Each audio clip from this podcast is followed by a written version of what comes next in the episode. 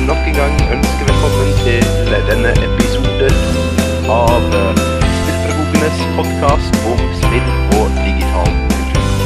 Og vi er Aleksander. Magnus. Og Tobias.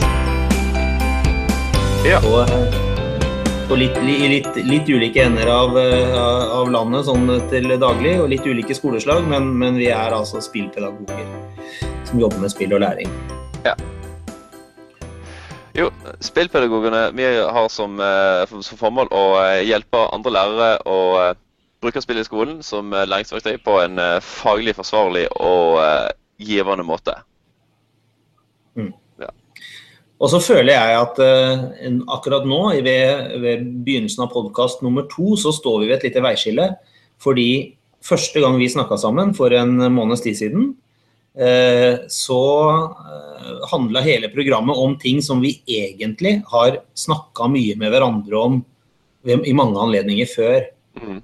For da var det litt sånn basic, hva er det egentlig vi driver med? Og vi fikk anledning til å fortelle alle tre eh, den eh, eh, på en måte det narrativet som vi forteller når vi holder et foredrag eller sånne ting.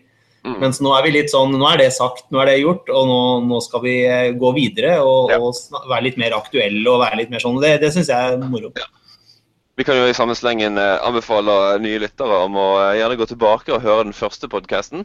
Mm. Sånn at for å være litt up to date, rett og slett. Ja, Mm. og den finner dere både på Soundcloud og på iTunes, også på vår blogg spillpedagogene.wordpress.com. Ja. Eh, det som står på agendaen i dag, vi skal snakke om eh, en del eh, aktuelle saker knyttet til eh, spill og læring, som vi har sett i avisspaltene nå den siste måneden. Vi eh, Vi kommer til å ta opp uh, bruken av uh, Pokémon Go, og også kritikken mot uh, Pokémon Go av en av våre kjente og kjære samfunnsdebattanter. Eh, vi skal snakke om noen kommende investeringer, eh, kommende investeringer i norske spill. Og vi skal snakke om at spill det er noe som også kongehuset interesserer seg for. Mm -mm. Ja. Ja. Men først eh, litt om hva dere har gjort i det siste. Eh, Magnus, du er kanskje den som er på det mest spennende eh, ja, location, om det er lov å si.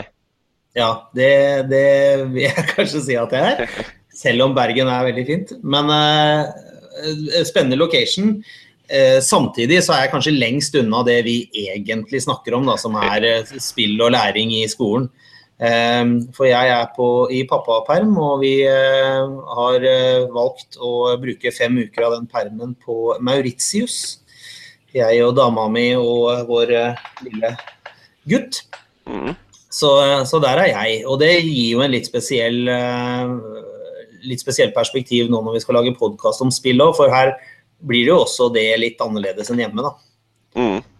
På hvilken måte? Eh, Ja, på den måten at jeg har måttet, eh, når jeg, Da jeg pakka kofferten, så måtte jeg lage meg en strategi for hva, hvordan skal vi få spilt litt da, på denne turen. Eh, og det finnes jo mange gode remedier for det, men det første jeg må nevne, er jo at eh, selvfølgelig så, så eh, hadde, tok vi med et par brettspill. da. Mm. Og det er moro. Det har ikke jeg spilt så veldig mye de siste åra, egentlig. Men når man har et litt avansert brettspill Nå spiller vi Game of Thrones som brettspill. Oh, det er kjempebra. Eh, sånn to, to, to, et tomannsspill, altså for to personer. Mm.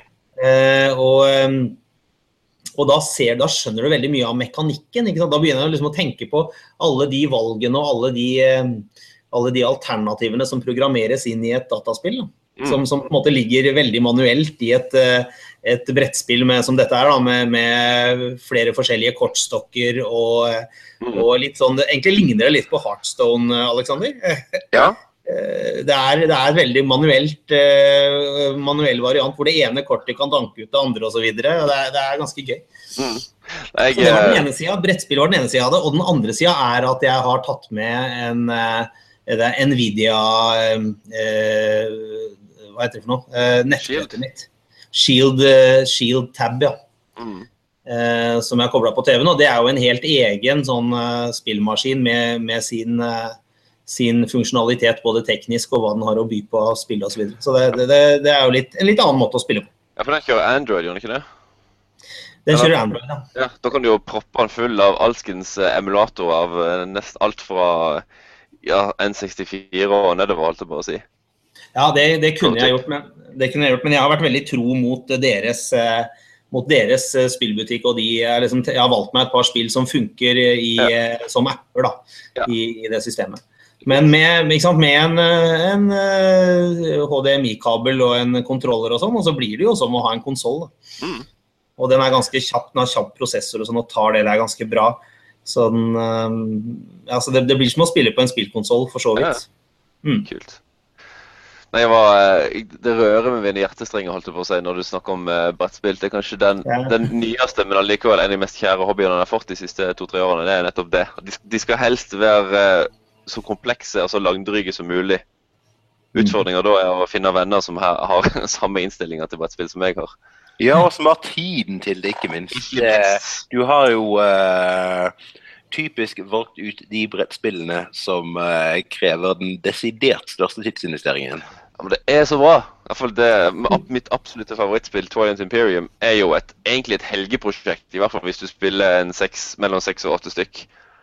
Men uh, jeg tror grunnen til at jeg har blitt så glad i brettspill, eller at jeg er så glad i brettspill i utgangspunktet, er litt det at, at hvis du spiller dataspill ikke om vi snakka om det sist. Uh, hvis du spiller data, så tar liksom dataen Multiplier på konsoller eller data, så tar jo det spillet tar liksom all oppmerksomheten. Iallfall hvis du spiller spill som er i real time. Mm. Altså den, den, all, den, krever all oppmerksomheten din og alt engasjementet ditt. Mens brettspill de, de, beveger seg bare framover når du faktisk flytter på brikker og sånn. Så det blir mer en sånn katalysator for eh, sosialt samvær og samtale og, og sånne ting. Mm. Det er det, ja, jeg tror kanskje derfor jeg liker det så godt. Og så lar jeg meg veldig lett fascinere av litt sånn store, intrikate, komplekse systemer og regler og, og sånne ting. Mm. Og så er det det å forstå regler sammen. Det er noe jeg har tenkt på også nå i siste. At, at det, er en, det, er, det, er en, bug i et brettspill. Det er, det er, hvis instruksjonsboka ikke er klar på noe, og det står noe på spill. Så blir vi sittende og diskutere hva som er, om dette er lov eller ikke lov. Liksom. Det, og så er det veldig lett å, å, å, lage egne patcher til, så å si. Ja, ja ikke sant.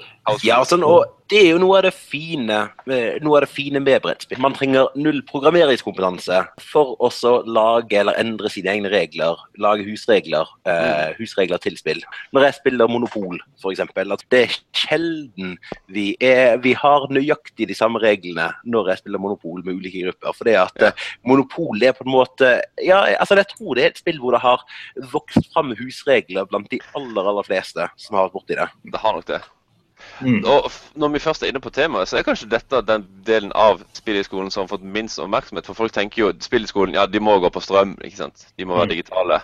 Men uh, ja. du, jeg, du snubla over et uh, brettspill der forleden, Alex. Det er et brettspill som heter War on Terror, som jeg har egentlig grådig lyst til å prøve meg på. Som mm. da er en satirisk tilnærming til krigen i Irak og sånn, som er veldig enkle grep. Illustrerer ekstremt komplekse sider ved eh, hvordan stater samhandler, og ikke minst hvordan maktforholdene, eh, maktforholdene utspiller seg innad i en stat på det spillet. Så det er foreløpig out of print, sånn at uh, det selges kun dritdyre, uh, dritdyre varianter av det fra, uh, fra, samlere på eBay. Men når det kommer i ny utgave, som jeg har hørt det skal gjøre i løpet av ikke fryktelig lang tid, så, så, så, gleder jeg meg til også, til også teste ut det. Og da mm. ja, se om det er noe jeg ikke, ikke kan få få eh, noen av elevene mine enten på, enten på internasjonal engelsk eller, eller i samfunnsfag mm. til å teste ut. Ja. Mm. Jeg, er, jeg, er, veldig veldig liksom imponert og fascinert over spill som klarer å få spillmekanikk og tema til å passe veldig bra sammen. Mm. Da, jeg har hørt, bare hørt om et merkespill til nå, et som heter Twil, uh, Twilight uh, Struggle. heter det. Skal, det er egentlig toplayerspill der uh, den ene sida spiller USA og den andre sida spiller Sovjetunionen. Og så er det en sånn slags historiegjenskap Altså en kontrafaktisk historiesimulator, egentlig. Mm. Der eh, det er om å gjøre å få kontroll over så, så stor del av verden og, og sånne ting. Og så et annet et veldig kult som heter Archipelago. Som eh, det er der du, du skal kolonisere øyer rundt forbi i den nye verden, liksom. Og så eh, må alle spillerne liksom bygge ut sin infrastruktur og sine kolonier og sine ressurser. Men samtidig må du sørge for at den, den eh, innfødte befolkninga ikke gjør opprør og sånne ting. Ja. Det, Jeg har egentlig ikke spilt eh, mye brettspill de siste åra i det hele tatt. Jeg har en litt, det er en litt kul opplevelse for meg nå å sitte her på Mauritius og gjøre det på kveldstid. Men, eh, men jeg har hørt uh, folk si at de siste åra så har også vært en, en uh, gullalder for brettspill. mm, Uh, litt på grunn av det at de, eh, spillmekanikken i dataspill og brettspill beriker hverandre. At man har lært liksom av de andres uh, av den andres. Og at det ble, derfor så har det kommet mange kule nye brettspill nå som ikke har, har liksom Mm. vært tenkt på. ja, ja. Ja, Hvis du går til en hvilken som helst for eksempel Outland-butikk, så vil jeg, tror jeg de vil, alle vil si at brettspill er det de omsetter mest for. Mm. Og så har du fått en ny generasjon av brettspill som har så, så, såkalt companion-app. Altså du har en app som du må laste ned på en nettbrett eller en PC eller noe sånt for at det skal fungere. Og mitt nyeste i samlinga der er andre utgave av et et spill som heter Manchester of Madness, som er satt, satt i Love, eh, Cthulhu-mytos Lovecraft-universet. Der man er sånn investigators som skal utforske skumle herskapshus og byer og kirkegårder osv. Og så alle, liksom, alle sånne narrative elementer. Det, det som vanligvis før måtte stå på kort, svære kortstokker med masse sånne små narrative biter, de står da i denne appen. For da har du mye, mye større tilgang til mye mer, hva skal man si, flere historier og mange flere retninger de historiene kan gå, enn hvis du bare har de konkrete brettspillkomponentene. Det er jo en slags sånn fusjon kan du si, av brettspill og dataspill. At det companion-appene. Det, fun det funker faktisk ganske bra. Og da er vi vel egentlig over på, på, på altså, Du snakker om at digitalpedagoger i stedet for eh, altså, eh, Det at det digitale og det ikke-digitale smelter sammen og blir at, at, at skillet blir irrelevant. Mm. Da, da syns vi ganske godt i en eh, spillverden nå, etter hvert.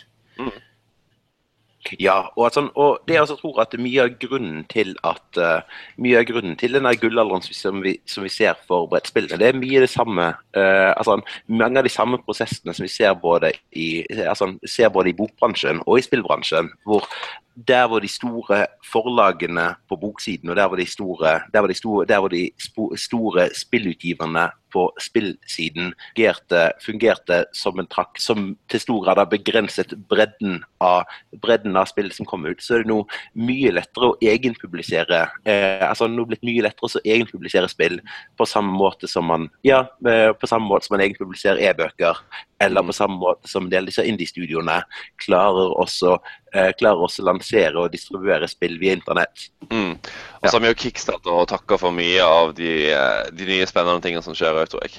Det er lettere. Absolutt. Ja. Mm. ja.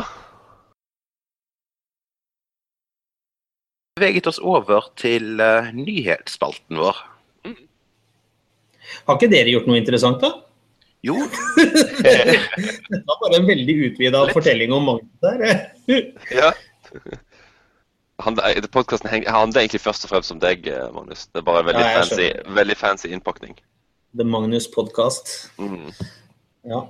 Nei, jeg kunne tenke meg å høre litt om skolestart og sånn. Jeg sitter her og jeg føler meg veldig langt fra alt det som, pleier, som verden pleier å være i august-september. Men uh... Jeg, eh, ja, jeg kan begynne med å fortelle eh, Hva skal jeg si? Jeg hadde tenkt å skrive blogginnlegg om dette, jeg må kanskje gjøre det en dag. Og nå har jeg sagt det på podkasten, så nå er jeg forplikta til det. Um, om noe som, med spill som ikke funker så bra. For det er jo òg Mhm. interessant. tenker jeg. Altså Reflektere rundt hvorfor, når, når det ikke funker, og hvorfor det ikke funker. Vi må jo må ikke bare, Det handler ikke bare om sol- solskinnshistorie, det handler jo om refleksjoner rundt det som ikke funker. Og det var rett og slett å prøve å spille Civilization i eldre historie på to timer. på to timer? Ja, det fungerte ikke. Oi, nei. Det var ikke så veldig rart, kanskje.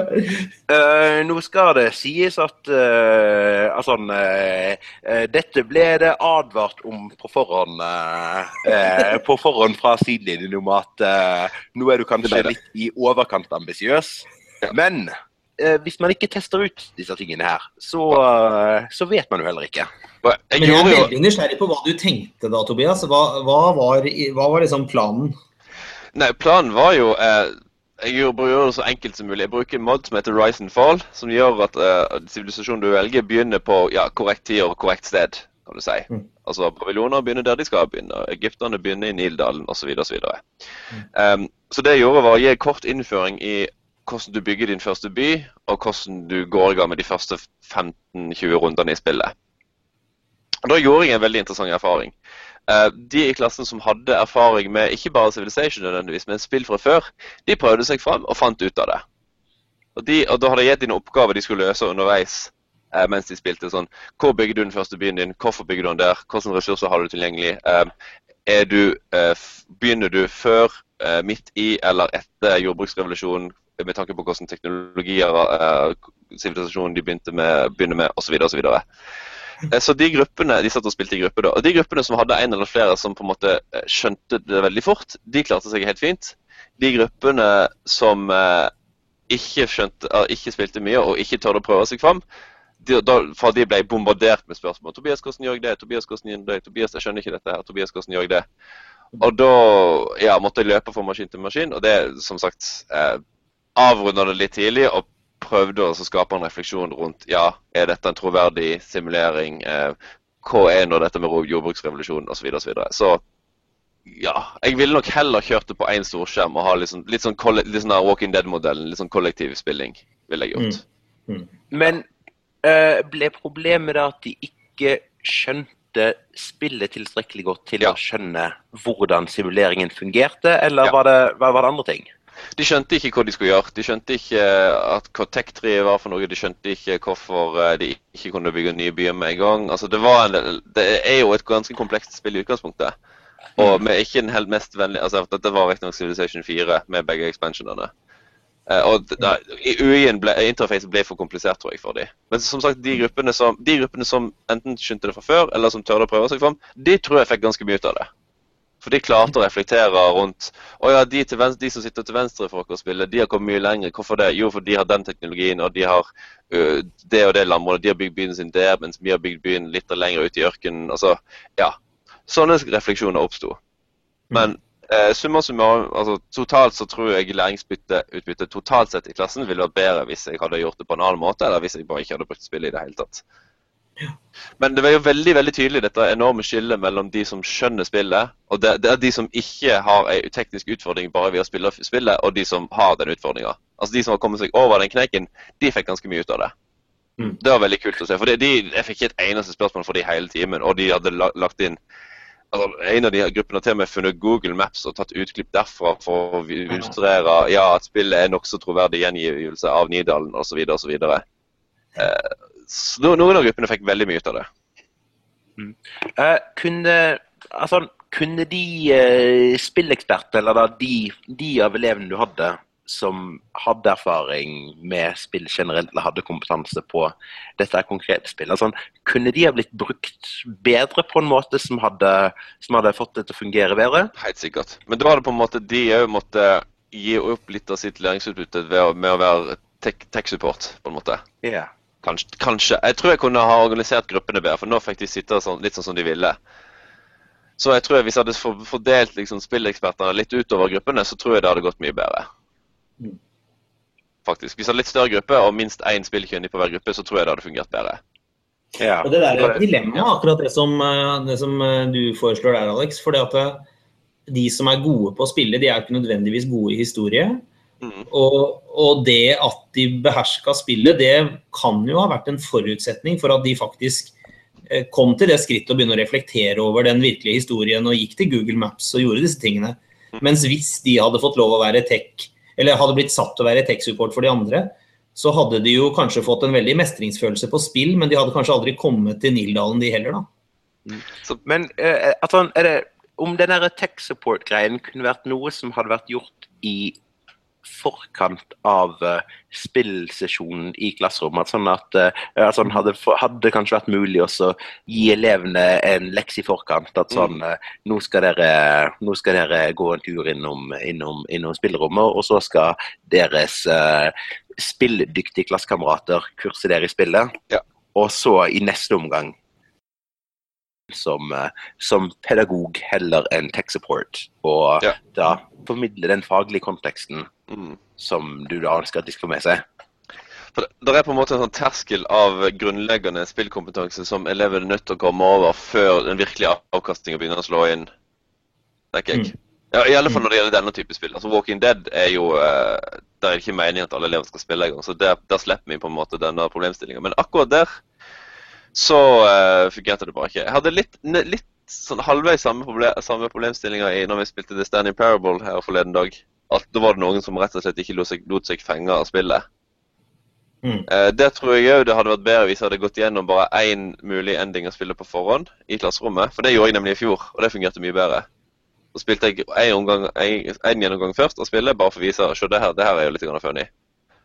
og så eh, gikk vi ned på gamingrommet etterpå, og så kunne de spille videre. For da fikk de, jeg får pirra nysgjerrigheten deres litt. Denne gangen så kasta jeg de bare rett inn på datarommet, bare for å se hvordan det gikk. Ok, og hva er det du har drevet med for tiden, Alex? Ja, altså, nå har jeg ikke spilt så veldig mye med elevene mine enda. Jeg har faktisk ikke uh, utsatt mine elever for en uh, eneste spillopplevelse så langt i år. Det bør jeg kanskje skamme meg over som spillpedagog. Uh, men jeg har nå tenkt veldig mye på saken. Og det, uh, det jeg i alle fall skal gjøre nå i neste uke, som jeg gleder meg veldig til, det er at da skal jeg ha kurs for uh, de andre engelsklærerne her på skolen. Og da er det Keep Talking and Nobody Explodes, som vi snakket en del om i, en del om i forrige episode, som de skal introduseres for. Og det er Elegy for a Dead World, som de skal introduseres for. Ja. Det som er veldig fint med begge disse spillene her, det er at de krever veldig lite forkunnskaper av lærer. Og man kan gjennomføre gode spillopplegg med de uten at det er noe som tar veldig mye tid. Bare helt kort om, eh, helt kort om hver av de.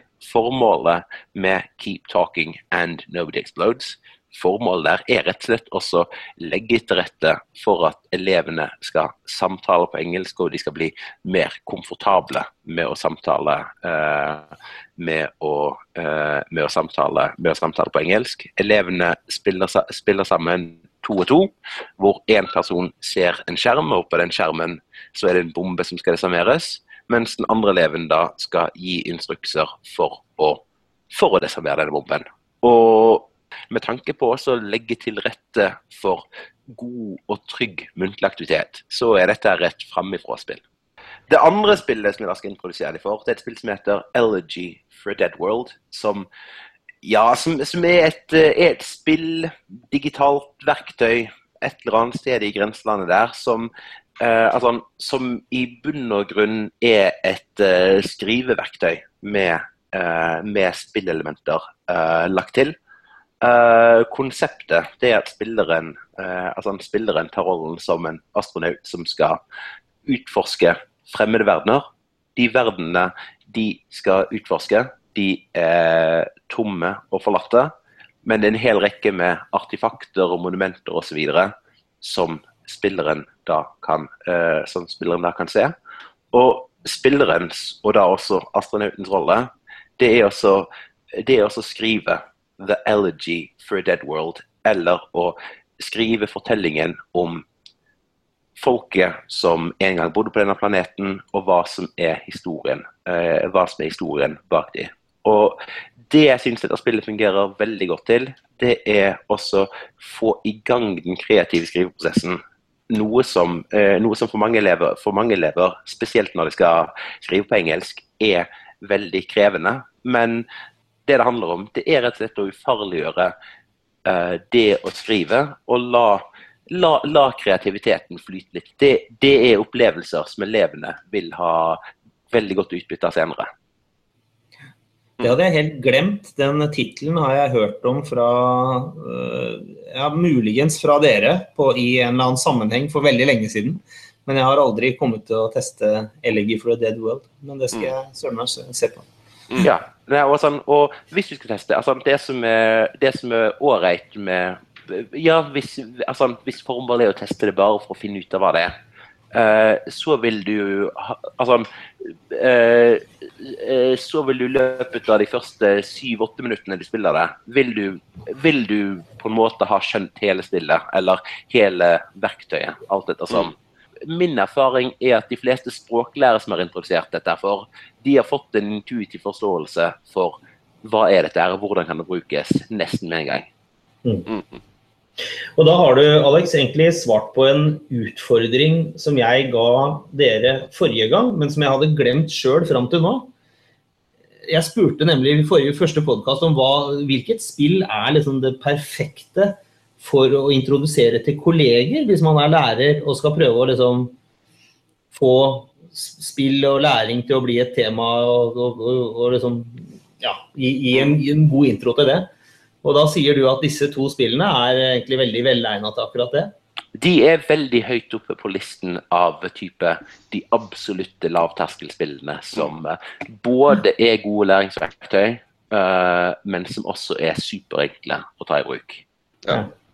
Ja, har, du, har, du noe, har, no, har du, et en, svar på det spørsmålet? Ja, altså, Det er veldig få av de der spillene der som er lavterskel, men som, uten at det går utover eh, hva skal vi si, anvendeligheten, eller hvor lett det er å bruke.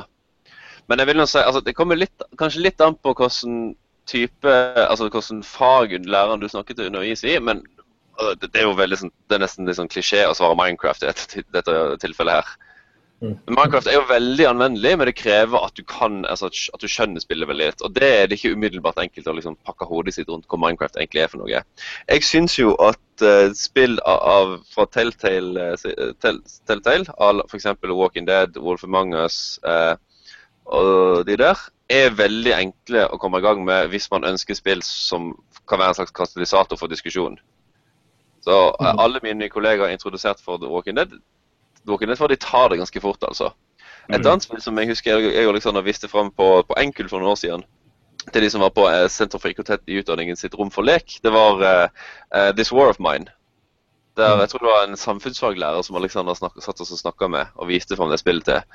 Og etter ikke så veldig lang tid så, så sa han sånn Ja, jeg, nå skjønner jeg hvordan jeg kan bruke det. Altså Han satt veldig fort og så sjøl dikta opp ting. Eller, eller fantasert om potensielle undervisningsopplegg han kunne lage. da.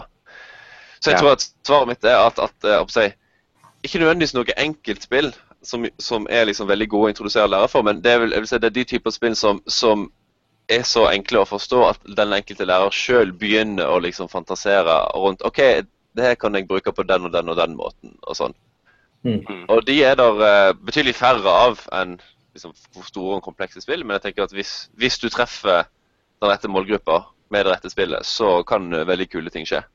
Det som er veldig fint med dette spillet, det er at det er et spill som uh, selv om ikke lærere har så god kjennskap til det, det er uh, altså, uh, så vil veldig mange elever kjenne igjen en del av mekanikkene. fordi at mekanisk så ligner det veldig mye på The Sims, selv om det tar opp sånn, selv om du tar opp et mye mer alvorlig tema. Sånn, hvordan er det å være sivilbefolkning i et land som er eh, rammet av en blodig borgerkrig? Og dermed, selv om det ikke er et spill som nødvendigvis er det, er det første Altså er introspillet for lærere, så for, eh, så for skoleklasser, så, så syns jeg dette fungerer som, et, eh, som en veldig fin start til bruk av spill i skolen. Mm. Mm. Og så er det jo spill som eh, på en måte, Det der er veldig tett forhold mellom eh, innholdet i spillet og eh, det hva skal vi si, læringsmålet eller temaet som, eh, eller det fag, faglige temaet da, som spillet skal ses i sammenheng med. Og Et eksempel på det er jo f.eks. Eh, hvis du bruker educational-versjonen. For det, det, du gjør der, er jo faktisk rocket science. Det er faktisk rocket science. Ja. ja, mange andre spill må gjerne gjennom en slags oversettelsesprosess. Altså the reality mm. gap, som vi kaller det. Altså forholdet mellom innholdet i spillet og innholdet i den faktiske virkeligheten som elevene må forholde seg til. Som jo er mm. meint at uh, spillet skal være en slags døråpner inntil. Uh, men med spill der de to uh, områdene er veldig tett for, forbundet. Der, det ikke er så, der, der spillet nærmest fremstår som, ikke som et spill, men som en simulator. Altså tenk hvor mye en flysimulator etterligner virkeligheten. Hvis det er et veldig tett forhold mellom de, så blir den oversettelsesprosessen ikke fullt så komplisert. Som jo òg kan være eh, til hjelp for lærere som prøver å forstå her, dette her med spill i skolen. De ja, spillene er igjen litt komplekse. Altså, Curble Space Program er jo ikke et enkelt spill. i forhold til f.eks. For This War of Mine eller The Walking Dead? Jeg har et litt annet svar på det spørsmålet. for Dere, dere snakker veldig mye om, om lærere om, om, på en måte en form for sånn faglig relevans og tilknytning. Mm. Eh, men jeg, jeg, har også prøvd med mine kolleger, da jeg, særlig da jeg jobba på Stovner videregående, og, og, liksom, og, og, vi hadde noen sånne spillkvelder, og jeg prøvde å liksom få, få, i gang litt eh, tenkning rundt det. Og mange lærere var veldig nysgjerrige på det og liksom ønska seg det. Og da opplevde jeg at f.eks. Minecraft eh, falt veldig gjennom fordi disse lærerne veldig, altså de, de blir veldig frustrert over at det ikke er noe mål og mening. Ja, hva er det vi skal her, da? De, altså forventningen om, at, eh, om at, eh, at, spillet har et mål, at man skal oppnå bestemte ting, eh, blir, blir en sånn Når det ikke er der, da, så får de liksom en sånn slags eksistensiell angst som Spilleksistensiell angst. Sånn at det, Selv om det er et veldig bra spill for å lære seg spillmekanikker da. Man har jo all mm. verdens tid på å lære å finne hoppeknappen, liksom. Det, og kan øve på det når man vil, på en måte. i, i ja, ja. Det er jo et veldig interessant perspektiv, akkurat det med den enkeltes eh, forventninger til hva et spill skal være og hva det ikke skal være. Jeg møter ofte ikke bare lærere, men folk som ikke spiller, som tenker at spill det er Super Mario. Det er enkelt, og det er først og, først og fremst altså De tenker først og fremst spillmekanikk, og de tenker, tenker først og fremst at jo, da er ett et konkret mål som du skal oppnå. Ja, og hvis man, hvis man, tenker, altså hvis man spiller, ser det og tenker at læring i spill først og fremst er det, at spillmålet er, og læringsmålet liksom skal være det samme, så havner mm. du i problemer. Vi husker jo det her uh, utlysninga fra regjeringen angående stortingsbygget sitt jubileum, Alex, som vi snakka litt ja. om. Hva er det for noe? Det var altså et anbud eller, som, om et, et, spill, altså et læringsspill som skulle lages i forbindelse med Var det Stortingsbygget som var det 60-årsjubileum, tror jeg? Der, ja, eller 150-årsjubileum. 150 ja, et jubileum i alle fall. Sikkert 150 år uh, make mer sense. Uansett. Målet med spillet um, var å løse rebuser og quizer og lignende faktasjekk uh, puslespill, gåte. Mm. Og så låste det opp flere og flere rom i stortingsbygget, og målet med spillet var liksom å finne grunnsteinen i bygget. da. Og det er jo liksom, Hvis målet, målet er å lære eh, den som spiller noe om stortingsbygget, så er jo dette den kjedeligste måten jeg kan tenke meg at det gjøres på. Altså, Det er jo bare en glorifisert eh, quiz. Ja, ja, ja. ja, ikke sant. Mens nede i kjelleren så har de det som heter Minitinget. Har dere vært der nå, da? Eh, nei, jeg har ikke vært der, men jeg har hørt om det. Det er jo et fabelaktig rollespill over tre timer, hvor ja. elevene er eh, representanter for et parti og sitter i en komité og skal lage, legge en strategi sammen med sin partigruppe for å få gjennom flest mulig av sine saker. Ja. Eh, og det er, det, er, det er, helt suverent, så hvorfor ikke de lot, lot det inspirere et arbeid med, med å lage et, data, et mer digitalt spill? Da. Det, det syns jeg ja. Det burde de absolutt gjort. Ja, miniting har jeg tenkt flere ganger at dere har lyst til også på et eller annet tidspunkt få med meg, uh, få med meg en elevgruppe å reise på. Det, det, er jo, det, er jo, sånn som har vært uh, mye enklere for deg der du holder til på Stovner. Enn, har vi har gjort det, det årlig. det er en sånn augustgreie for oss i samfunnsfagteamet har vært OK, hvem ringer Minitinget? Og det liksom gjorde vi på dag to av planleggingsdagen eller noe sånt. Nå, da. Og, ja. og booka inn hele førsteklasse på det. Så, så, og det var, har vært helt suverent. altså Fantastisk fint opplegg. Uh, jeg mener at tredjeklassen her på politikk og menneskerettigheter at de har reist opp der ved i alle fall to anledninger. Og jeg har hørt, jeg har hørt veldig mye bra om, uh, mm. om det rollespillet. Ja, og siden det er Stortinget, så er det masse støtte og greier. Det er lang vei for dere, men det er ikke nødvendigvis så dyrt, tror jeg. Man får mye hjelp økonomisk for å gjennomføre det. Og hvis man ønsker å liksom simulere sitt eget uh, Beanie-ting, så kan man jo bruke Democracy 3, f.eks. Ja, det kan man også gjøre. ja. Mm. Det er et spill som Jeg har ikke, kom aldri ordentlig i gang med Democracy 2, var det kanskje, fordi det var så det, det var den der reality gap-saken, kanskje. Det var så nært virkeligheten at jeg liksom tenkte at næsj, da kan jeg jo like gjerne sitte og lese alle de lengste politiske artiklene i mm i dagspressen og liksom fordype meg. For det, så, det, er så mange Det er så, det er så, er så mange uh, hensyn å ta, da, at du til slutt sitter med hele den fulle kompleksiteten til, til Mm. politisk, politisk hverdag i et uh, land. Ja, sant. Ja, altså, Democracy 3 er et veldig kjekt spill som jeg har brukt i, brukt i samfunnsfag, nå, samfunnsfag nå ved to anledninger. Den ene gangen så brukte jeg det brukte jeg faktisk, faktisk over, over, over ganske, lang, eh, ganske lang tid. Uten at det egentlig brukt så veldig mye klasseromstid på det. Men uh, da fungerte uh, Democracy 3 mer som bakgrunn for et klassisk stortingsrollespill, hvor da Eh, altså, eh, altså, hvor da elevene var delt inn eh, elevene var delt inn i partigrupper og fagkomiteer. Og, og spillet foregikk da for det, for det aller meste i klasserommet, hvor de prøvde å bli enige om hvilke, eh, altså, hvilke policies de skulle implementere, og hvilke, eh, hvilke nye skatter som skulle inn eller ut. sant? Eh, Mm. men, eh, altså, men hvor da spillet da ble brukt som et slags simuleringsverktøy, hvor de da kunne se OK, nå har dere bestemt at eh, eh, nå har dere bestemt at eh, lover skal endres på denne måten eller på denne måten. Her får dere se konsekvensene av det. Og Mm. det, det, det, altså, den tilnærmingen likte jeg veldig godt. Mm. Ja, det høres herlig ut. Høres herlig ut. Mm. Men hvis vi bare skal avslutte den seksjonen med beste spill, siden, vi, siden jeg utfordra dere på det, og sånn, så kom jeg aldri til hva jeg faktisk mente var beste spill å introdusere for nye folk. Nei. Mm. Eh, Og eh, min løsning er eh, limbo. Ja. Ok. Fordi det er, så, det er jo da Jeg har spilt det på konsoll, og da er det én spak og to knapper. Av, av alle de hva det nå er, 16, 16 eller 18 knapper eller hva det nå er på en PlayStation-kontroller, så var det da bruk av to knapper og en spak. Og, og en, et mål og mening å komme seg videre i spillet. Sånn alt det der, det spilltekniske er liksom avklart.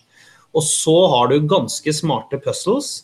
Og så har du en estetikk som gjør at det er lett å diskutere hvem er egentlig denne gutten, og lure på. Den har liksom novellens kraft da, i at du får vite lite nok til at det er masse mystikk i spillet. da. Mm. Så den har jeg hatt. De lærerne mine som ikke fiksa Minecraft, de, de syntes Limbo var helt fabelaktig. Og det skal jo sies at det var språk- og litteraturlærere da, i ulike, ulike språk. Da. Men, men, eh, men likevel, altså, det satte dem virkelig på sporet av å, å snakke veldig sånn voksent og ordentlig om hva dette medies styrker er. Da. Mm. Så, så det syns jeg kjenner jeg faktisk ikke til i det hele tatt. Men uh, det får vel eh, absolutt gå inn på leselisten min eller spillelisten min. Ja, det syns jeg det bør. Det- Det er fint Det er ikke så veldig langt, men det er ekstremt stemningsfullt. Og veldig sånn, Den minimalistiske grafikken altså Det er jo bare svarte silhuetter, stort sett. Det det er veldig kult, altså. Det er et utrolig stilig spill. Mm. Og lett å skjønne hva du Ja. skal gjøre som spiller hele tiden. Så du blir liksom ikke distrahert av å, av å lure på hva spillet egentlig er. Det er Mm. veldig avklart. Men så blir det hva det egentlig er, i form av hvordan forstår du denne lille historien som du får vite så lett om. Da. Det, det, er liksom, det, det er et større spørsmål. Så, mm. Ja.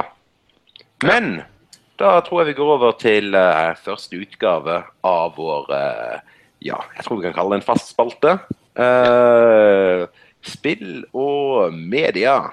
Det, og første saken som vi skal snakke litt om, den eh, den er jo eh, du, Tobias, eh, skyld i at det har blitt en sak i det hele tatt. Fordi at eh, du ble nå på slutten av sommeren intervjuet av NRK om hva slags muligheter er det for å bruke Pokémon Go i undervisning. Ja. Jo, det stemmer det. Ble intervjua i NRK, og det ble både sak på nett og sak i radioen om liksom, mine refleksjoner rundt Pokémon Go. Eh, Der jeg da tok utgangspunkt i eh, ikke spillmekanikken i seg sjøl, men mer det her eh, laget av data og informasjon som eh, Pokestops representerer. Oppå, altså oppå et lag av data oppå dine umiddelbare omgivelser. Så da kan du se Pokestops knytta til minnesmerker og statuer osv. der du er. Og så kan du da ja, gå bort og trykke på de kanskje inn i appen og se hva den handler om, og hva sammenheng dette minnesmerket, denne skulpturen eller statuen er. Em, og så bruker det f.eks. i lokalhistorie, eller f.eks. i uh, kroppsøving eller matte, eller måtte, altså kroppsøving, egentrening, rett og slett. Litt sånn, kanskje litt søkt, men allikevel. Uh, Eller i matte, altså finn den mest effektive ruta gjennom pokestops på et avgrenset område, f.eks. Hvor må du gå hen, gitt en fart på ja, si 5 km i timen, uh, for å spinne så mange pokestops som mulig. Et eller annet sånt. Mm. Og der var det jo flere som lot seg bemerke, den saken her. Inkludert en eh, kjent og kjær eh, samfunnssatiriker og komiker eh, ved navn Knut Nærum. Som da skrev en sak i Dagbladet Meninger om eh, Pokémon går på skolen. Den saken vakte jo eh, oppmerksomhet på begge sider av eh, eh, barrikaden, holdt jeg på å si. De som mener at spill i skolen, ja, det er bra. Eller de som mener at spill i skolen, nei, det er tull og tøys. Sånn driver vi ikke med. Ja, hva var budskapet til Knut Nærum, da? Vet du hva, Det, tror jeg- det, det, tror jeg, vet du hva, det tror jeg det er bare én person i hele Norge som vet, og det er Knut Nærum. Og så tror jeg kanskje ikke han veit det, han heller. Nei, Fordi han, han brukte liksom sitt privilegium som en sånn nytt på er nytt sant. dude med å, å tulle og tøyse med noe uten på en måte å jeg, jeg, jeg ser ikke at det lå noe kritikk i det heller, for det var bare en sånn eh, Ja, det kan man gjøre. Eller liksom litt sånn eh, Jeg vet ikke. Nei altså, jeg, det er jo, tekster er jo en post, skal, vi, skal vi kalle det en postmodernistisk genistrek? Jeg vet ikke helt. Nei, altså, jeg, tolker jo tekst Jeg syns jo at det er slutten av tekst altså, Først så trodde jeg å ja, får jeg liksom for får spill i skolen, støtte fra eh, kultureliten i Norge. Det var jo stilig. Eh, men så de siste avsnitt- avsnittene der han sammenligner ideen om Pokémon Go i skolen, sånn som jeg tolker det, med å grille på kirkegårder for å lære om eh, hvordan folk hadde det før i tida, eller kaste frisbeen på kunstgallerier for å bli interessert i kunst, eller å eh, gjemme godteri i bøker for å motivere til lesing. Da er vi til Skinner-boxes og sånn behaverisme og eh, ja, altså det, det, det, opp, det kunne tolkes som en slags latterliggjøring, og det var det ikke sånn som jeg Det var jo sånn jeg gjennom ved andre gjennomlesing tolka den. Og mange Jeg leste den bare én gang og fant den uh, helt usedvanlig uinteressant. Eh, Eller jeg, jeg, liksom, jeg, jeg, så, jeg så ingenting av, av noen meningsytring eller forståelse overhodet. Og så var det først da jeg så på, på Twitter og sånt, da, at du var litt snurt, eller at noen, var litt, noen følte at, de hadde blitt litt, at dette var, hadde blitt litt lett behandla, liksom. Ja. Gikk jeg inn og leste den på nytt, og da, og da skjønte jeg det heller ikke. Men da prøvde jeg nå i hvert fall å, å skjønne at han liksom, mener han noe i det hele tatt, eller er dette bare Nei, altså han har jo ka- kastet, Han har jo egentlig forfatta et slags tabula rasa som han har bare kasta ut i eh, verdensveven, og så har eh, folk liksom kunnet eh, projisere sine allerede eksisterende meninger om spilleskolen på, dette, på denne her teksten. da. Og Det har jo Mm. resultert i at noen har brukt den som en trojansk hest for å undergrave ideen om spilleskolen. Noen Mm. har eh, tatt det fram som eh, en som slags legitimering. Yeah, spilleskolen. Det er ikke bare lærere som syns det er gøy. Eh, og noen, inkludert meg sjøl, er bare rett og slett forvir litt forvirra. Eh, samtidig så er det jo litt kult å bli lagt merke til av folk jeg, jeg har sett i gullrekka mange fredager i mange år på rad. Men ja, jeg vet ikke. Jeg vet faktisk ikke helt hva jeg syns.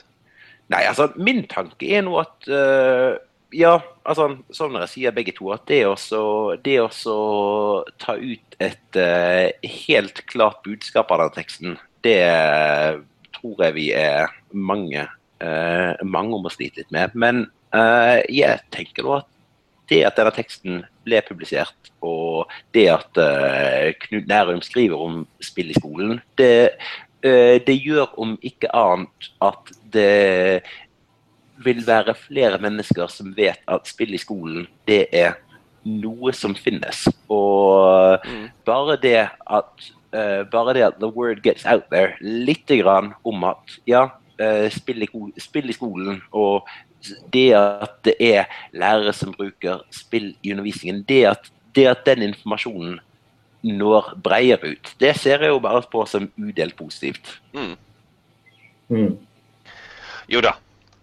For hva hvordan er det klisjeen går? All PR er god PR. Ja. Ja. Ja. Det, det er kanskje det. Det, det vil tida vise. Ja. Ja. Andre nyheter? Andre nyheter? Jo, altså en ting som eh, jeg har bitt med merke i, som jeg synes er, synes er veldig interessant, det er den der spillsatsingen som Egmont uh, nå har gått ut med. Det har det vært flere saker om nå, ja, i, eh, var det flere saker om nå i uh, forrige uke, hvor de har kommet ut med en pressemelding om at de skal investere et par hundre millioner kroner i nordiske spill. Og det er da ikke type AppStore-markedet de sikter seg inn mot. Men, uh, altså, men uh, det som, hvis jeg har forstått det riktig, er noe av målet. Det er også, det er også styrke den nordiske, uh, styrke den nordiske spillebransjen. Og det er jo noe som jeg både, altså, både personlig som spiller og profesjonell som spillpedagog synes er veldig, veldig ålreit. Vi har allerede planlagt, planlagt, et ganske omfattende opplegg med et annet eh, norskprodusert eh, spill som har veldig god sans for, eh, sans for Among the Sleep. Eh, som da handler om en eh, som da handler om en toåring og denne toåringens opplevelse av morens rusmisbruk. Eh, og det, det, er ikke noen tvil om at det, fin, det, ikke noen tvil om at det finnes, finnes utviklere både i Norge og Sverige og Danmark som er, eh, altså, som er absolutt meget kapable. Og eh, fra et profesjonelt standpunkt så eh, jeg, har, jeg har veldig lyst til å se flere norske spill, norske spill av høy kvalitet komme ut. Og ja, mm. eh, rett og slett kunne bruke flere norske spill i undervisningen også. Mm. Vi må jo ha en liten shout-out til hva er det, Eight Years in the Making. Um, Owlboy. Ja. Det er jo Er det kommet? Første, er det 1. oktober det kommer? Eller var det november? Ja. Det er rett rundt hjørnet, i alle fall. Jeg, jeg, ja, altså, jeg, jeg, er jo veldig nysgjerrig på om jeg, skal, om, om jeg skal glede meg til dette, eller hva jeg skal gjøre. Sånn, nå har du da bygget opp forventningene i ja, åtte år, sa du? Ja, så... de, de, annonserte det vel Jeg lurer på om det var i 2011 de annonserte det. Jeg er ikke helt sikker. Det kan være jeg husker feil. Um, mm. Men de er ikke så mange. De, de, er på et studio. De er fem stykk. Ja. Og det er vel noe av Jeg tenker på den, den Egmont-satsinga. Noe av det jeg tenker på, er nettopp det at det norske, norske spillutviklere er jo så små og så få og så unge. Mm. Eh, og, og, har veldig dårlige utsikter jevnt over til å tjene penger på spillene sine. Eh, og så går den vanlige altså Hvis man skal liksom be noen om penger, så er det gjerne offentlige midler vi ber om i Norge. Så Sånn sett så er det litt, det er litt kult å tenke hvilken dynamikk eh, altså hva, hva, er det det setter i gang? da? Når, mm. når, en aktør som Eggmont går inn og erklærer at de skal investere ganske store summer i spill og stille veldig klare krav om at, det, at satsingene der også skal være ambisiøse og mye mer enn en, uh, mobilmarkedet. Uh, sånne casual mm. games på mobil. da. Ja. Apropos eh, norske spill, som jeg gleder meg veldig til. Red Thread Games sitt Draugen. Et sånn ja. thriller-horrorspill satt til norske vestkysten på 1800-tallet, tror jeg det er. Da kan du endelig ja, kombinere norsk nasjonalromantikk med horrorsjangeren. Det gleder jeg meg til. Mm. Ja, det blir veldig kult. En gang. Det, denne her spillelisten blir bare lengre og lengre. Det Trøster deg med at det ikke kommer ut ennå, så du trenger ikke game det med en gang. Nei, det, det blir vel fort en stund til etter det igjen også, tenker jeg. Mm. De er vel akkurat ferdig med siste Dreamfall Chapters, er de ikke det? Så de må finne på noe nytt spennende å lage. Og da tror jeg Draugen kan bli veldig spennende. Mm. Mm. Ja. Og så henger det litt sammen med denne, denne nyheten, kanskje. Den, den, siste nyheten da, om at, uh, om at dronning Sonja har spilt uh, funrun med, med presidentfruen i Finland på, på en spillkonferanse i Finland i forrige uke. For det handler om den offentlig, offentlighetens satsing, da, ikke sant? Ja og at næringsminister Monica Mæland var med, og, at de var veldig at når, når, sånne suits blir veldig opptatt av dataspill, så er det både, både litt hyggelig og litt sånn Hæ? ja, for det er sånn, dette er jo på en måte en sånn sak man kan humre over. Se her, her ser vi dronningen uh, uh, dronningen knot med, knot, med, knot med, mobilspill. Men, uh, altså, men samtidig så er dette ganske viktig med tanke på også Uh, ja, uh, altså med tanke på spillenes legitimitet, både som bransje, men også som kulturuttrykk, uten at det dermed sier at uh, Fun Run 2 er mm. um, kanskje det mest høykulturelle eksempelet på dette her. Ja. en annen ting som må trekkes inn, er jo Fritt, nei, Fritt Ord, Spillpikene og Pressfire.no sin konkurranse Digitale liv, som ble utgitt nå nettopp. Der eh, Det var en skrivekonkurranse der eh, hvem som helst kunne sende inn eh, tekster da, som eh, skulle eh, omhandle spill på hvilket som helst område. Og de som vant, da, det var de som de tekstene som vant, de var de som eh, omtalte spill på en fra en synsvinkel og perspektiv som ikke blir snakka så mye om, rett og slett. Mm. Ja. Og det der er jo igjen en sånn eh, Altså, eh, det er et ett videre steg mot at eh, spill, og da spillkultur, blir eh, Ja, legitimisert eller eh, skapes økt, økt aksept for eller forståelse for i Ja. eh, samfunnet for øvrig. Jeg har vel tidligere jeg vet ikke om jeg, Nå må jeg vokte meg for ikke å si ting jeg er redd for. eh, Eller jeg sa forrige gang eh, vi hadde podkast. Men jeg har vel tidligere sagt snakka om det at, at spill, problemet med spill er at er ikke, de er ikke verdinøytrale på samme måte som veldig mange andre Nesten alle andre medier er. Eh, Med det mener jeg Se på forskjellen mellom bokmål og nynorsk. De fleste, de færreste har sterke meninger om bokmål. De aller fleste har en eller annen sterk mening om nynorsk, enten de liker det eller ikke liker det. Sånn er det med spill òg. De færreste har meninger om, om romanen eller filmen som, som medium. De har kanskje en mening om den enkelte sjanger eller den enkelte bok eller film. Men spillmediet som helhet er det mange som har sterke meninger om. Eh, og det, så, så måte er ikke selve mediet verdinøytralt på samme måte som ja, film er, eller musikk er. Så jeg venter bare på at den, at den skal på en måte Spill skal liksom bli assimilert i resten av Kultur-Norge og, og i sånn, diskursen om kultur. Jeg tror eh, ja, den, det type initiativ som vi har snakket om nå, er ett steg i den retningen der. Mm. Jeg tror det kommer til å skje helt umerkelig når det skjer. Det kommer til å skje sånn gradvis på en sånn måte at vi, liksom, at vi heller vil si at eh, på et tidspunkt om ti år eksempel, så vil vi si at ja, de siste tre åra har det jo vært litt, eh, litt mer sånn. Ikke sant? At man Mm. ser det litt mer i ettertid enn enn underveis. Ja, for Sånne endringer går så gradvis at det er ikke noe sånn konkret skille. Nå er spillet blitt eh, Nei. allmenns- allmannseie. Altså, I, dag, i den, denne uka spilte dronning Sonja funrun, og, og eh, hvor langt er det derfra til at, eh, at andre mennesker vi ikke tror skal gjøre det, gjør det? Nei. Men det er fortsatt at liksom det, Vi syns det er rart at på en måte eh, offentlige personer eh, spiller spill. Vi syns det er litt morsomt Mm. når Jens Stoltenberg sier at han er en ivrig eh, tilhenger av Total War-serien, Ja. f.eks. Så det er, fortsatt, liksom, det er fortsatt noe annet. Ingen som er overrasket at noen ser film, hører på musikk, leser bøker. Men spill er liksom ikke noe man utpersonerer. Ja, jeg gamer masse. Ja, det, nei. Det der er faktisk ganske viktig poeng. for sånn at, altså, Jeg har hørt i altså, eh, altså, i veldig mange sånne veldig mange sånne politikerintervjuer med eh, altså, så er, altså, eh, I veldig mange politikerintervjuer så har de med et segment. Hvilken bok har du på, natt, bok har du på nattbordet?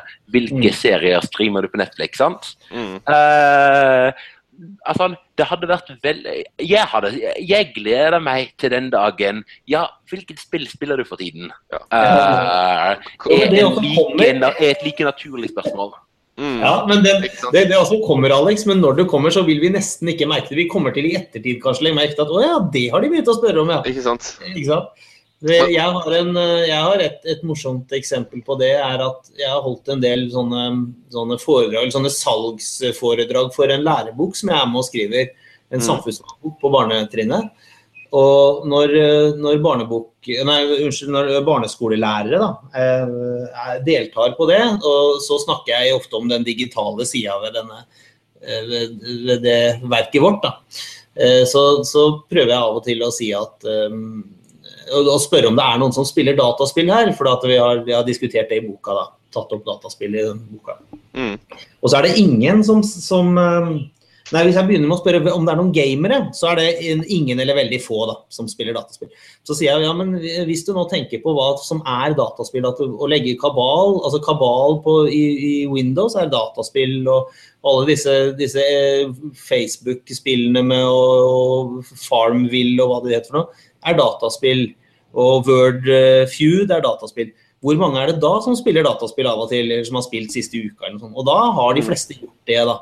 Og det er jo gjerne voksne det er jo gjerne ganske voksne lærere da, som, som sitter og innrømmer det. Litt sånn ja, OK, da er dere gamere hele gjengen, ikke sant. For det, er jo fortsatt et sånt sånn kulturelt hegemoni her. ute og går. Altså, Du kan gjerne spille et kabal på PC-en din eller Candy Crush, men aller helst bør du lese ei bok. Mm. Eh, og, og jeg har jo møtt folk med, med, med høy utdanning, intelligente, oppegående mennesker, som nærmest med sånn, med sånn stolt, altså stolthet sier Nei, jeg spiller ikke spill. Som om Mm. det liksom er en sånn eh, Hva skal jeg si Om det er en karaktertrekk som liksom er, er noe er bra å fronte. da. Nei, jeg spiller ikke spill. Mm. Mm. Det er jo òg litt sånn, jeg synes det er pussig at, at folk som har studert, altså, studert humaniora og har et reflektert forhold til det meste annet, har et så ureflektert forhold til, til Mm. spill. Jeg syns det er litt pussig.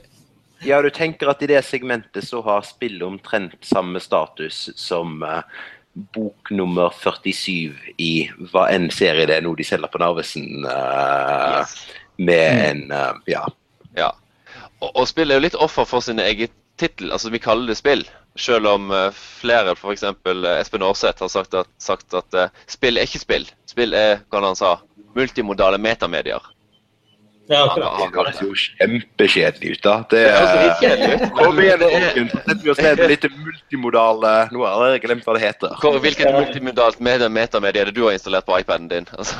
Ja, sant. Men det er jo et viktig poeng å si at spill er ikke lenger spill i den forstand, på samme måte som Ludo eksempel er et spill. Altså Det er det òg, men det er blitt noe mye mer enn det. I hvert fall med tanken på såkalte walking simulators. At Der du bare går og hører på en fortelling og egentlig ikke gjør noe som helst. Mm. Mm. Jeg tror kanskje vi setter streik der for denne gang. For nå har vi allerede snakka ganske mye. Jeg tror vi har fått satt mye interessant. Jeps. Jeg skal ut i Mauritius sol og kose meg litt. Og dere har vel kanskje et uh, multimodalt uh, metamedie dere skal bruke tid på nå i, som dagen har blitt ettermiddag, kanskje? Ja, For min del blir det Elite Dangerous, som jeg har blitt nyforelska i. Ja. Mm. Ja, og uh, dattera har fått uh, Rayman Origins og er blitt uh, nesten bedre enn meg, så vi skal øve litt på det i kveld. Jeg skjønner. skjønner. Mm. Vi må være bedre enn datteren vår i Rayman, må vi ikke? Ja, det er at sånn, Målet er egentlig at hun skal bli bedre enn meg så fort som mulig, for at jeg synes det er enda kulere. Men uh, vi får nå se. Og vent til dag hun slår deg i Hearthstone. Ikke sant. Men for nå så eh, sier uh, vi spillpedagogene eh, takk for oss. Rate oss gjerne på iTunes, eller legg en kommentar til oss enten på SoundCloud eller på vår blogg spillpedagogene.wordpress.com. Så snakkes vi igjen. Ha det.